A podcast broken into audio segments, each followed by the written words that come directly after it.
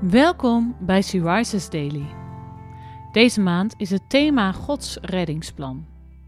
En vandaag luisteren we naar een overdenking van Carla Kwakkel. We lezen uit de Bijbel Psalm 78, vers 10 en 11. Maar zij namen Gods verbond niet in acht en weigerden te wandelen in zijn wet. Zij vergaten zijn daden en zijn wonderen, die hij hun had laten zien.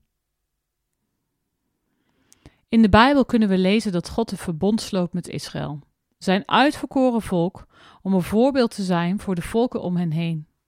Een priesterschap, een heilige natie die God zou dienen.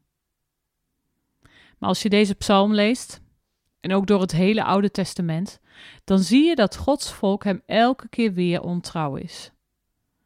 Israël keert hem telkens terug toe, gaat andere goden achterna, dan heeft het berouw, bekeert zich en God is weer genadig. Steeds weer. Ook nu is de mens niet veel anders. Maar God is niet veranderd. Hij heeft genade voor ieder die bij hem komt en zich bekeert.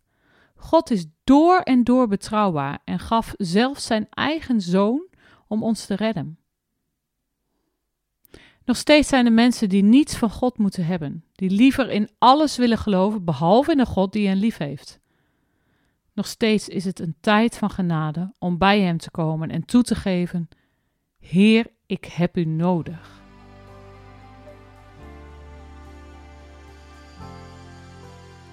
God spreidt ook zijn armen uit naar mensen die zijn naam niet kennen en zegt: Hier ben ik, hier ben ik.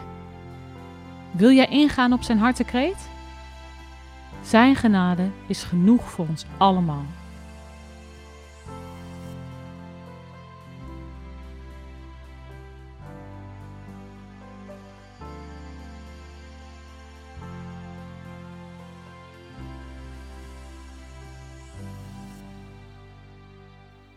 Laten we samen bidden. Heer, raak de mensen aan die dit lezen en laat ons uw lichtdragers zijn. Niet omdat wij zo geweldig zijn, maar dat zij u zullen zien en ontdekken dat u van hen houdt. Amen. Je luisterde naar een podcast van Sea Rises. Sea Rises is een platform dat vrouwen wil bemoedigen en inspireren in hun relatie met God. Wij zijn ervan overtuigd dat het Gods verlangen is dat alle vrouwen over de hele wereld Hem leren kennen.